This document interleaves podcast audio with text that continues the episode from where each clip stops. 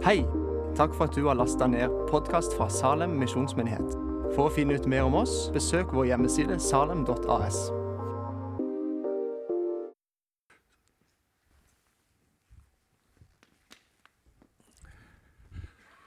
Camilla er jo Vi har ikke fått sånne skilt ennå, men vi skulle hatt sånne skilt der det står 'Camilla under opplæring'. Det er det jo på Kiwi, vet du. Men Camilla er altså en av våre nye møteledere, og eh, det er kjempefint å ha deg med, Camilla. Skal vi rett og slett gi henne en applaus? Veldig bra. Og den fine dreisen som du har på språket, vet du. Det er jo vakkert. Og vi vet jo det er deilig å være norsk i Danmark, og vi, når vi hører deg snakke, så drømmer vi jo om danske strender med en gang. Sånn er det jo bare.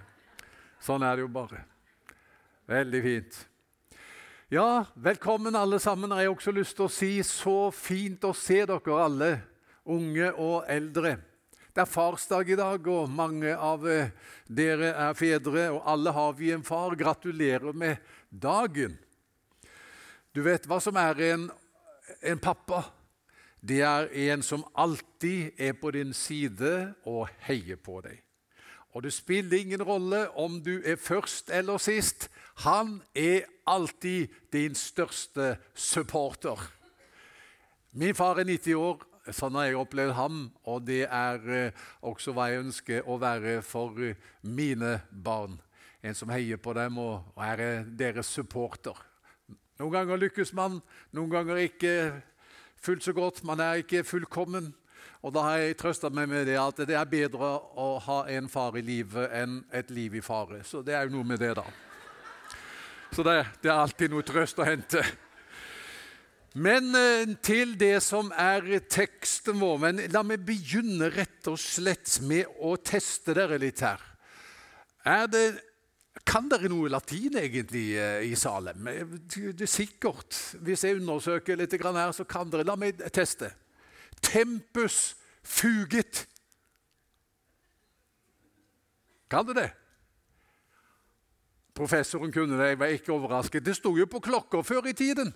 Tempus fugit. Hva betyr det, Halvor? Tiden flyr, for å være helt korrekt. Nei, det går bra. Egentlig faktisk helt korrekt. Tiden flykter, men vanligvis oversatt med 'tiden flyr'. Hva med denne, da? Carpe diem. Å ja, den kan dere. Hva betydde det? Grip dagen. Hva med denne, da? Missio dei. Den var vanskelig. Men det er det det skal handle om i dag, da. Missio dei. Missio, hva er det? Misjon. Dei det har med Gud å gjøre. Det betyr Gud, rett og slett. En bøyningsform av Deus. Så missio dei betyr Guds misjon. Og det skal det handle om i dag, at Gud er misjonær. Og at vi er invitert til å samarbeide med ham i hans misjon. Jeg kan ikke tenke meg noe større. Du vet da Apple-gründeren Steve Jobs. Han har forresten skrevet en bok som heter Jobs bok. Uh, Steve Jobs da han fikk med seg Pepsi sin toppsjef til en lederstilling i Apple, så var det med denne utfordringen. Han henvendte seg til ham som var leder for Pepsi, og så sa han Vil du selge farget sukkervann resten av ditt liv? Eller vil du være med å forandre verden? Det var utslagsgivende for han at han gikk over fra Pepsi og til Apple. Og de har jo vært med på en voldsom forandring i vår verden. Det er det ingen tvil om. Men jeg vil si Vil du at livet ditt skal telle? Finn ut hva Gud gjør, og kast deg hodestups ut i det. Jeg kan ikke tenke meg noe større. Det som jeg skal si i dag, handler om Guds misjon og det å være hans medarbeider. Jeg skal samle det i fire enkle punkter. Først skal jeg si at Gud arbeider. Og skal jeg si at vår rolle er å medarbeide. Forresten et nytt ord som jeg laget akkurat nå. Nytt verb 'å medarbeide'. Det har du ikke hørt før. Men vi forstår hva det handler om. Eh, og det tredje punktet medarbeide om hva? Og det siste punktet de neste skritt som du og meg kan ta. Først da Gud arbeider. Missio Dei, som betyr Guds misjon, det er et hovedtema i apostlenes gjerninger. Når du leser den boka, så ser du en Gud som er aktiv og handlende og misjonerende på jorden. Og hvis vi skal forstå vår tid og skjønne hva Gud holder på med, så er det et vers i Apostlenes gjerninger som kaster lys over det. Det står i vers 15 eh, i eh, Apostlenes gjerninger Nei, unnskyld, kapittel 15 og vers 14. Der står det at det Gud holder på med, er å vinne seg et folk av hedninger for sitt navn. Det er hans agenda. Vinne seg et folk av hedninger for sitt navn. Og i dette er han den ledende aktøren. Og Nå skal vi lese en bibeltekst som viser dette veldig klart. Det står i detalj i kapittel 10. Det kan vi ikke ta oss tid til å lese, det er 48 vers. Men eh, det er fascinerende lesning. Så har du ikke noe annet å gjøre etter menighetsmøtet i ettermiddag, så les kapittel 10. Men nå skal vi lese Peter sitt resymé av det som skjedde i kapittel 10. Og Da leser vi fra vers 4 eh, i kapittel 11. Det er Peter som gjør rede nå i Jerusalem for hva som hadde hendt der hos hedningen Kornelius. Eh, det står Da begynte Peter å forklare alt for dem fra først til sist. Jeg var i byen Jaffa. Mens jeg ba, kom jeg i ekstase og fikk et syn. Noe dalte ned, akkurat som en stor duk som ble firt ned fra himmelen etter de fire hjørnene, og den kom helt ned til meg. Jeg så nærmere på den og gransket den, og da fikk jeg se de firbente dyrene på jorden, de ville dyrene, krypdyrene og fuglene under himmelen. Jeg hørte også en røst si til meg, Ta for deg, Peter, slakt og spis. Jeg svarte, Ikke tale om, Herre, for aldri er noe vanhellig og urent kommet inn i min munn. For andre gang lød røsten fra himmelen, Det som Gud har sagt er rent, må ikke du kalle urent. Dette hendte tre ganger, og alt ble tatt opp til himmelen igjen. I det samme sto det tre menn utenfor huset hvor vi bodde. De var utsendt til meg fra Cesarea. Ånden sa til meg at jeg skulle dra sammen med dem uten å nøle. Disse seks brødrene reiste også med, og vi gikk inn i mannens hus. Kornelius heter jo han da. Han eh, fortalte oss hvordan han i sitt eget hus hadde sett en engel som sa:" Send bud til Jaffa og be Simon med tilnavnet Peter komme hit. Han skal tale til deg med ord som blir til frelse for deg og hele ditt hus. Og da jeg begynte å tale, kom Den hellige ånd over dem, akkurat som over oss i begynnelsen. Da husket jeg Herrens ord, at han sa, Johannes døpte med vann, men dere skal bli døpt med Den hellige ånd. Når Gud har gitt dem den samme gave som vi fikk da vi kom til tro på Herren Jesus Kristus, hvem er da jeg at jeg skulle kunne hindre Gud? Amen. Herre, takk for ordet ditt. Tal til oss om hva dette betyr i vår situasjon og setting i Kristiansand i 2019. Amen. Det som vi ser klart i denne teksten, det er eh, at Gud arbeider. Han er aktiv og handlende, en aktør i det som skjer. Vi ser han gir Peter et syn. Hvis du får det neste bildet med teksten der, så ser vi det. Han, Peter får et syn, og han hører Gud tale til ham. Neste bilde.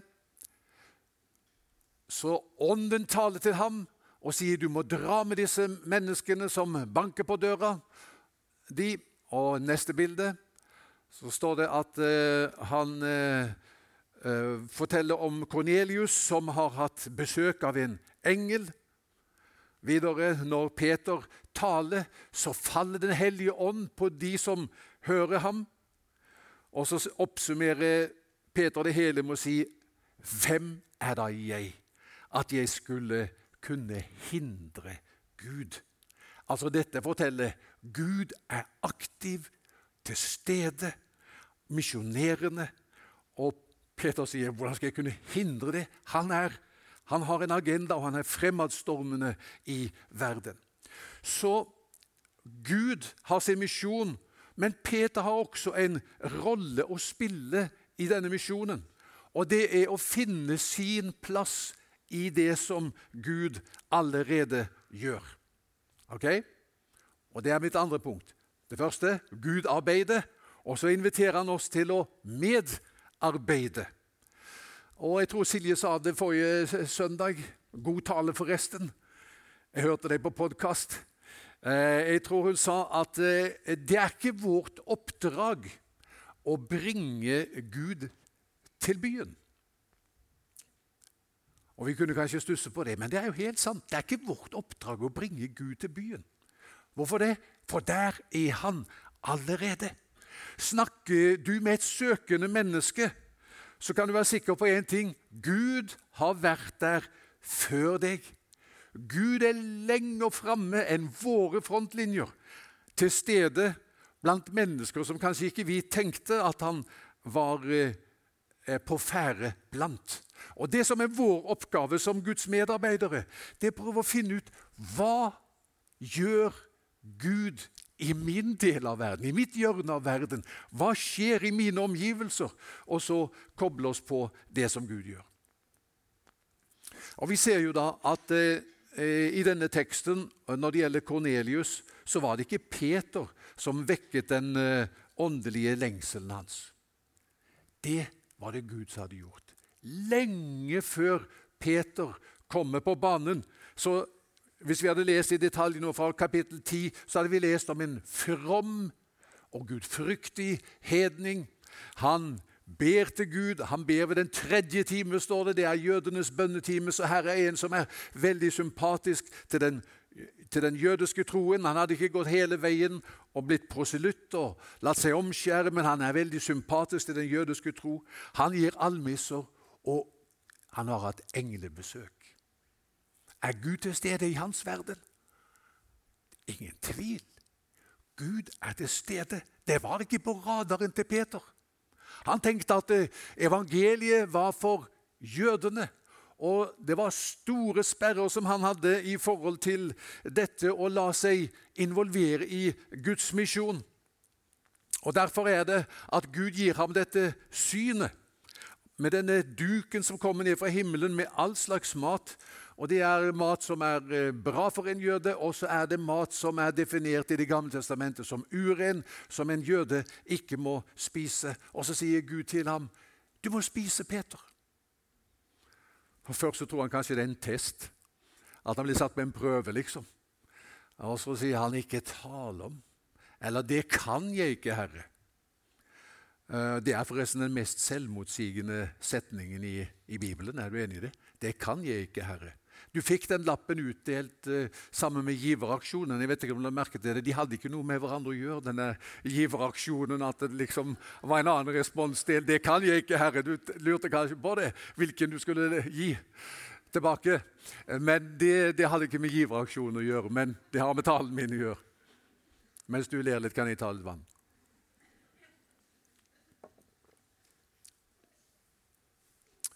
Men det er jo den mest selvmotsigende setning i Bibelen. Det kan jeg ikke, Herre. Man kan si 'det kan jeg ikke', men man kan ikke si 'det kan jeg ikke, Herre'.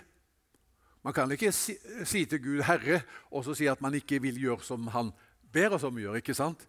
Men det var altså hos, hos uh, Peter noen sperrer i forhold til å la seg engasjere og bli involvert i det som var Guds misjon, det som Gud holdt på med i hans samtid.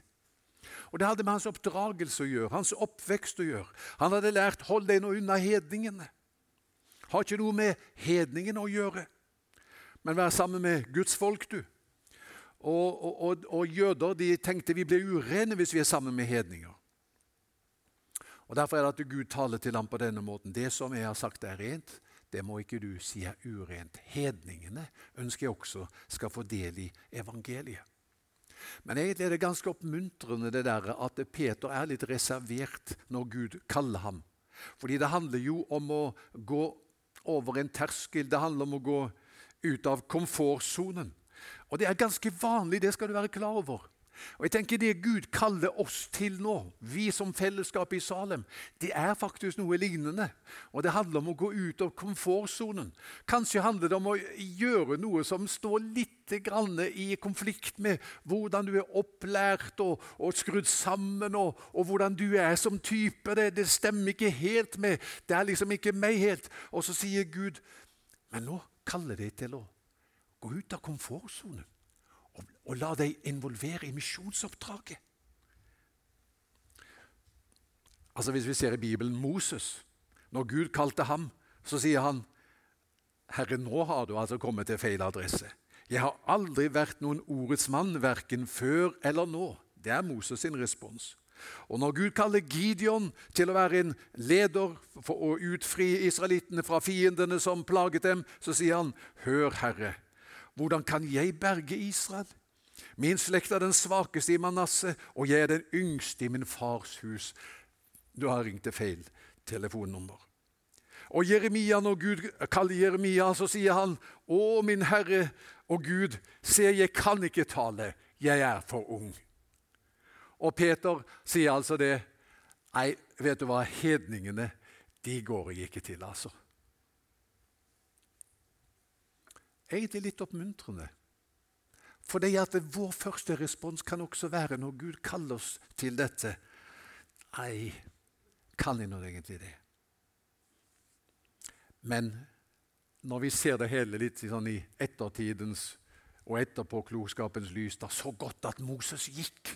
Så godt at Gideon var lydig, så bra at Jeremia sa ja. Så godt at Peter gikk også. Og så er det altså nå en invitasjon til oss om det samme å respondere på dette og bli delaktig i Guds misjon, hva Gud gjør i vår tid. Så mer konkret, da, hva handler det om? Ja, det tredje punktet eh, Hva er det Gud vil skal skje i verden og med Kornelius og hans familie? Ja, det står at det, engelen eh, sier til ham du må sende bud på Peter, og han skal tale ord til deg som skal bli til frelse for deg og hele din familie. Frelse var det som det handlet om.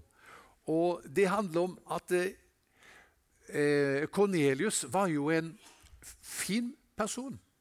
Han var from, og han ba, og han ga almisser. og eh, Det var veldig mye godt som han kunne si om han, men han var ikke frelst. Han hadde ikke Jesus. Det kunne ikke engelen gi ham. Det, er ikke det litt rart? Engelen kommer til ham og sier du må sende bud på Peter. Så, så engelen kunne arrangere møte mellom Kornelius og Peter. Og jeg tenker Uten at vi vet om det, så har englene vært i aktivitet og arrangert sånne møter i dag også. Men det er altså mennesker som må forkynne evangeliet. Mennesker som har selv møtt Jesus, som må dele evangeliet med andre. Så det det handler om, det er at Kornelius skal få møte Jesus og erfare hans nærvær i sitt liv. Og for at det skulle skje, eller essensen av det, det er to ting. For det første så må han få tilgivelse for syndene.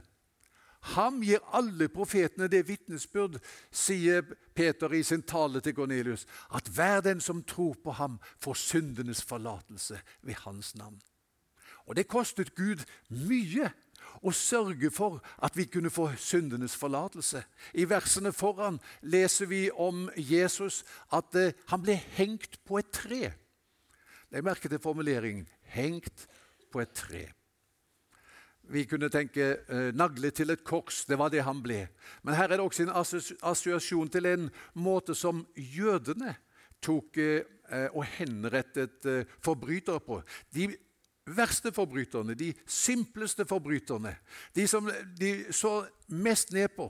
Først ble de steinet, og så ble de ikke gitt en verdig begravelse, men hengt på et tre. Og så ble kroppen utlevert til rovfuglene og rovdyrene. Så sier han om Jesus han ble hengt på et tre.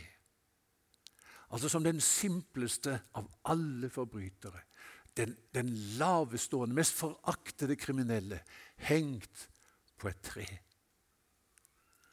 Så sier Peter videre, men Gud reiste ham opp fra de døde. Og når Gud reiser ham opp fra de døde, så er det for gjennom det å forkynne. Da han hang på treet, så betalte han for alles synder. Og nå kan alle få tilgivelse. Du kan ha gjort mange synder. Du kan ha gjort store synder. Hos Jesus er det tilgivelse for alle. Og Kornelius får høre dette budskapet med alle sine. at det det er tilgivelse for deg, og det er det som er sperren. Det er det som har hindret deg fra å ha dette levende samfunnet og fellesskapet med Gud. Og så står det i samme øyeblikk som han hører om syndenes forlatelse, så står det så falt Den hellige ånd på Kornelius og alle som hørte ordet. Og det er det andre som eh, Gud vil skal skje i hedningeverden. Peter taler ordet om Jesus til Kornelius. Og det som Den hellige ånd da gjør, han bringer Jesu nærvær inn i Kornelius og i familien og slektningene og vennene hans sitt liv. Peter forkynner ordet om Jesus. Ånden bringer den levende Jesus inn i deres liv. Det er hans oppgave. Så når ånden faller, så er det Jesus som kommer. Og så opplever de hans nærvær alle sammen. Vi kaller dette for hedningenes pinse. For det står de talte i tunger og priste Gud. Så kan vi si Var det det samme som eh, i Apostelens gjerninger 2? Det de opplevde? Ja, eh, hvor er vinden? Kanskje det var Nei, det var ikke så sterkt. Hvor, er, hvor var vinden? Du vet I Apostelens gjerninger 2 det kom en vind. Hvor var vinden? Nei, det var ikke noe vind. Ja, hvor var ildtungene? Nei, det var ikke noe ildtunger. Ja, det var 3000 som ble frelst pinsedag. Hvor er de 3000? Nei, det var ikke 3000 som ble frelst. Ja, Da må vi bare si ikke der og da, nei, men, eh, men det kom. Men ikke med en gang. Så det er noen ting som ikke ligner. Det er noe som ikke er likt. Som allikevel sier Peter, Den hellige ånd kom over dem, like som over oss i begynnelsen, sier han. Det kom på samme måte. Selv om det var en del ting som ikke stemte, så var det likevel den samme gaven som ble gitt, selv om noen ting var annerledes. Og det som var det samme, det var at Den hellige ånd kom over dem, og, og Jesu nærvær fulgte dem, og de taler i tunger, og de priser Gud, og de får erfare sikkert det samme som de opplevde i Herrenhut, vet du, i brødremenigheten, eh, på deres pinse. Det skal vi komme inn på en annen gang. Men de opplevde et veldig sterkt møte. Dette er på 1700-tallet. Og når ånden faller over dem, så sier de i ramme alvor Er vi i himmelen nå, eller er vi fortsatt på jorden? Altså, Det var Guds nærvær som kom. Og dette er hva Gud vil at vi skal få lov å oppleve i dag også. Like sterkt som i Apostelens gjerninger 2 og her i kapittel 10 Åndens nærvær og Jesu nærvær i ditt liv. Noen ganger så, så, ser vi eh, oss omkring og så ser vi ja, det, da må det skje på den måten, og så må det skje på den måten, og, og så må det vel være sånn, og så må det være sånn. Vel, jeg har bare tenkt på Josva og Moses. Josva, vet du, han som skulle overta noe etter Moses. Han, eh, han hadde nok eh, veldig mange ganger hørt Moses fortelle om kallsopplevelsen i ørkenen. Moses hadde vært 40 år i ørkenen. Og han har fortalt Moses, og han har fortalt Josva. Og vet du hva, Josva? Det er, det er ikke til å tro. altså. En dag Jeg var ute og gjette sauene som vanlig. Så ser jeg en tornebusk som brenner. Men den brant ikke opp. Det har jeg aldri sett før. De brant nokså fort opp. Det var tørt. Men den brant ikke opp. Den brant og brant. Jeg hadde aldri sett noe sånt. Så jeg gikk nærmere. Og når jeg kom ganske nær, så hørte jeg en stemme som talte ut av tornebusken.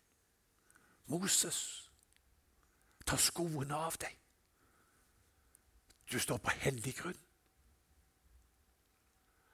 Og det var et møte med Gud som forvandlet mitt liv, sier Moses. Og han kalte meg til en tjeneste som jeg først sa nei til, men jeg er så glad for jeg sa ja. Nå er det du. Nå er jeg en gammel mann, sier Moses, og jeg har ført folket ut, men jeg, jeg, jeg rotet det litt til. Ikke, det er ikke jeg som skal føre folket inn, du skal føre folket inn. Hva tror du Josfa var opptatt av da når han skulle eh, overta etter Moses? Jeg, vet du hva jeg tror? Jeg tror dag etter dag speidet han etter brennende tornebusker. Tror ikke du? Det er klart han gjorde det. Hvor er den brennende tornebusken? Han så den ingen steder. Og han er litt slukøret. Hvordan skal jeg kunne eh, bringe folket inn uten opplevelsen av Guds nærvær? Hvordan skal jeg gjøre dette store oppdraget uten at jeg vet at Gud er med meg, og Gud har sendt meg, og han er til stede? En dag så er de utenfor Jeriko, og han lurer på hvordan i verden skal vi klare å innta denne byen. Høye murer. Og Så ser han en kriger som står foran seg, og så sier han, 'Er du med oss, eller er du med fienden?' Nei, sier han. Det var jo også et svar. Er du med oss, eller er du med fienden? Nei.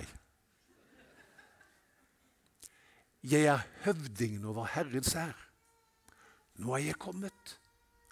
Og så sa han noe som fikk det til å gå kaldt nedover ryggen på Josfa. Så sier han, ta skoene av deg. Stedet du står på, er hellig grunn. Oi, oi, oi. Samme virkelighet. Samme dynamikk. Samme gudsmøte. Selv om det var annerledes i det ytre. Og det var det som skjedde også her i Apostlenes gjerninger 10. Det var ikke vinden, og det var ikke ildtungene og så mange som ble frelst på en gang, men det var det samme åndens nærvær. Og du skal ikke behøve å gå ifra Salem i formiddag uten å vite denne hellige ånd er til stede i livet mitt like sterk som i kapittel 2 og i kapittel 10, selv om de omstendighetene kan være ulike. Hva er det som må til, da, vil du kanskje si? Ja, Det som du trenger å høre, det er han ble hengt på et tre for at du skulle få syndenes forlatelse. Du må ikke leve opp til en standard som er så og så høy for at du skal bli fylt av Den hellige ånd og erfare Guds nærvær i ditt liv. Du trenger bare omfavne og ta imot. Jeg er tilgitt. Jesu Guds sønns blod renser for all synd. Og her kan vi sitere Martin Luther som sa hvor det er syndenes forlatelse, der er det liv og salighet. Og med det så mente han åpner du opp og tror på syndenes forlatelse, så kan du også åpne opp for Den hellige ånds kraft i ditt liv. Lengter du, pleide vi å si før i tiden, etter, ånd, etter åndens kraft i ditt liv, må du først oppleve blodets kraft i ditt liv. Og Vi ser det veldig tydelig når spedalske ble renset. Så var det på den måten de gjorde det. Veldig rart. Først tok de noe blod fra offerdyret på høyre stortå. Så tok de noe blod på høyre tommel. Og så tok de noe blod på høyre øreflipp. Etterpå tok de olje oppå blodflekken på høyre stortå, så på høyre tommel, og så på høyre øreflipp. Der hvor blodflekken var, kom de med olje. Og I Det nye testamentet så ser vi jo hva det betyr. Jesu Guds sønns blod renser for all synd. Det er det første vi må leve i. Og da det andre, det er, det er også vite det der hvor du har erfart blodets kraft, der kan du nå erfare Åndens kraft. Og så ser du ikke etter ytre omstendigheter, og sånn, men du tar imot Den hellige ånds kraft og gave i ditt liv, og så går du inn i det Gud har for deg. Ai, ai, ai, ai, ai. Er du klar for dette i formiddag? Ja, jeg er klar som et egg, altså. Nå skal du høre, jeg skal gå inn for landing. Men hva er de neste skritt vi kan gjøre? Da har jeg skal jeg være veldig konkret. Først noen personlige refleksjoner igjen rundt det der jeg begynte. Tempus fugit. Hva betydde det? Tiden flyr. Jeg hadde tenkt å ta med meg et metermål, og så glemte jeg det. Altså, det er farsdag, og det, det, var så mye som skjedde hjemme. Men jeg tenkte å ta med meg et metermål. Er det noen som har det, forresten? Susanne, pleier du å ha metermål med? Nei. Eh, men det er jo interessant hvis du drar ut et metermål, et målbånd. Vet du hvor, eh, vet du hvor eh, vet du, vet du hva en gjennomsnittlig levealder er for en mann i Norge? 80,9 år, leste jeg. Det er der. Ser du det? Da er ett år én centimeter. Da er vi der. 80,9 år. Og Geir, hvor er han på dette målbåndet hvis én centimeter er ett år? Ja, Du vet kanskje ikke hvor gammel jeg er, men jeg kan avsløre det. Jeg blir 63 i denne måneden. Der. Oi. Jeg har levd langt. Der. Gjennomsnittlig levealder fra 63 til 80,9. Oi. Ja, far min ble 90, da. Så jeg, ble, jeg blir 90 år og er 100 også, sikkert. Men så tenker jeg, når jeg ser på det metamålet, tenker jeg jeg har ikke et hav med tid. Det må jeg innrømme. at Jeg tenker når jeg, ser. jeg blir ikke stresset. Fordi at eh, jeg vet at det, det slutter ikke med døden, livet. Bestemora mi sa til henne Du vet det Lava sier, at eh, når vi er døde, og dødsannonser vår står i avisen, så, så må, vi, må, vi, jo si til folk de må ikke tro på det. For da er vi jo mer levende enn noen gang. Da smilte hun veldig bredt, hun Lava, skal jeg si deg, pinsevennen, for hun, hun, var klar over det at når hun dør og lukka øynene her på jorda, så var det bare for å åpne dem igjen hjemme i himmelen. Det visste hun. Så, men uansett 63, 80,9 det er ikke veldig mye. Vet du hva jeg tenker når jeg ser på det? Tempus fugit, tenker jeg. Vet du hva jeg tenker så? Carpe diem. Klart jeg tenker på det. Da blir det Carpe diem. Grip dagen. Jeg har ikke et hav av tid. Hver dag blir viktig. Og så tenker jeg Neste som slår inn, det er også på latin. Kan du gjette hva det er? Det første er tempus fugit. Det andre er carpe diem. Vet du hva det tredje er? Missio dei. Helt rett. Jeg tenker Det er ikke mye som er viktigere enn det. At jeg for den tiden som jeg har igjen i livet mitt, sier til Gud Her er jeg. Jeg er til din disposisjon. Og Nå skal du få tre ting som er veldig konkret som, som du kan gjøre. Det første, Du kan finne fram den lappen som du kanskje fikk, så du lurte på hadde det med giveraksjonen å gjøre, der det står 'Det kan jeg ikke, Herre'. Har du den der? Eh, hvis du ikke har den der, så gjør ikke det noe. Og du behøver ikke gjøre noe med den nå heller, men du kan se på den. Altså Det er den mest selvmotsigende setningen i Bibelen. Den kan egentlig ikke stå sånn. Så når vi ser på den setningen, har vi to valg. Vi må, vi må retusjere noe. Vi må stryke bort noe. Enten så stryker vi bort 'ikke'. Da står det 'Det kan jeg, Herre'. Det går an å si. Eller så må vi stryke bort 'Herre', og så står det 'Det kan jeg ikke'. Og så har vi strøket bort 'Herre'. For det kan ikke stå 'Det kan jeg ikke, Herre'. Så det utfordrer deg til nå. Og det er så alvorlig at jeg tenker ikke at du skal gjøre det nå. Bare for at eh, pastoren sier det, og så har du glemt det etterpå. Tenk nøye over det. Er du der i livet nå at du kan si Nei, nå skal jeg stryke ut det der ikke. Og så skal jeg skrive dato, og så skrive navnet mitt. Det Jeg sier ja, Herre, til deg. Det kan jeg, Herre, skal det stå. Jeg overgir livet mitt til deg. Det er det første. Det kan vi gjøre i dag. Og det andre, det er bønn. La du merke til Nei, kanskje ikke, men i denne teksten både predikanten og tilhørerne hadde bedt når de møttes. Det begynte med bønn. Og det som jeg vil oppmuntre deg til å gjøre, det er følgende At du rydder noe tid i livet ditt til å si til Gud Hva gjør du i min verden? Hvor er du på ferde? Det var det Peter grunnet på og tenkte på når han var der på taket. hadde hatt dette synet. Han skjønte ikke hva det betyr Han var i samtale med Gud. Han grunnet og filosoferte og tenkte Hva betyr dette? Hvor er du på ferde? Hva gjør du, Gud? Hva mener du? Og så står det mens han tenkte på dette, så banket de på døra, utsendingene fra Kornelius. Og så sier ånden til ham, 'Nå må du gå med dem.' Og det er det tredje punktet hvilke dører åpner seg for deg nå? Det er nemlig sånn at når, Gud kaller oss til noe, så kaller han oss til å gå inn gjennom dører som åpner seg, og bevege seg inn i relasjoner som, der du blir invitert inn. Så det kan du gjøre. For, punkt 1. Ta imot Guds invitasjon om å involvere deg i misjonsoppdraget. Stryke ut enten 'ikke' eller 'Herre' i den setningen. Bruk tid på det. Og det andre du ber 'Hvor er du på ferde, Gud?' Og hvordan kan jeg koble meg på det? Og det tredje så beveger du deg inn i de dørene som åpner seg for deg. Ha. Hva? Er det ikke spennende? Vil du være med meg på dette? Dette skal jeg vie resten av livet mitt til. Vil du være med òg?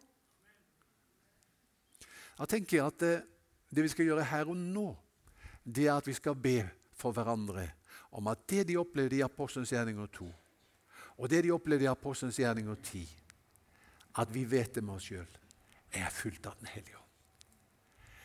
Det er ikke mye som er viktigere akkurat nå enn at vi sier det til oss sjøl og til Herren. Fyll meg med Den hellige ånd. Og betingelsen, forutsetningen, det er der det er syndenes forlatelse. Der kan Ånden virke. Og så handler det vel også om en overgivelse til ham. Vil du det? Nå skal vi la disse få lov å synge. Og Hva de skal lede oss i, det vet jeg ikke, men vi reiser oss alle sammen. Og Hvis du har lyst, så kan du komme fram hit og stå her sammen med meg. Og så skal vi be en fellesbønn for hverandre. Og Hvis du har lyst til å gå inn i bønnerommet og bruke tid med den lappen du har fått, eller, eller uh, bare være alene eller søke forbønn, så gjør du det. Skal vi gi hverandre frihet, så er du ikke nødt til å komme fram. Men noen av dere vil synes det er godt å komme fram i dag, på denne dagen, og så innvie meg til Gud. Og da gir vi anledning til det. Vær så god, dere synger.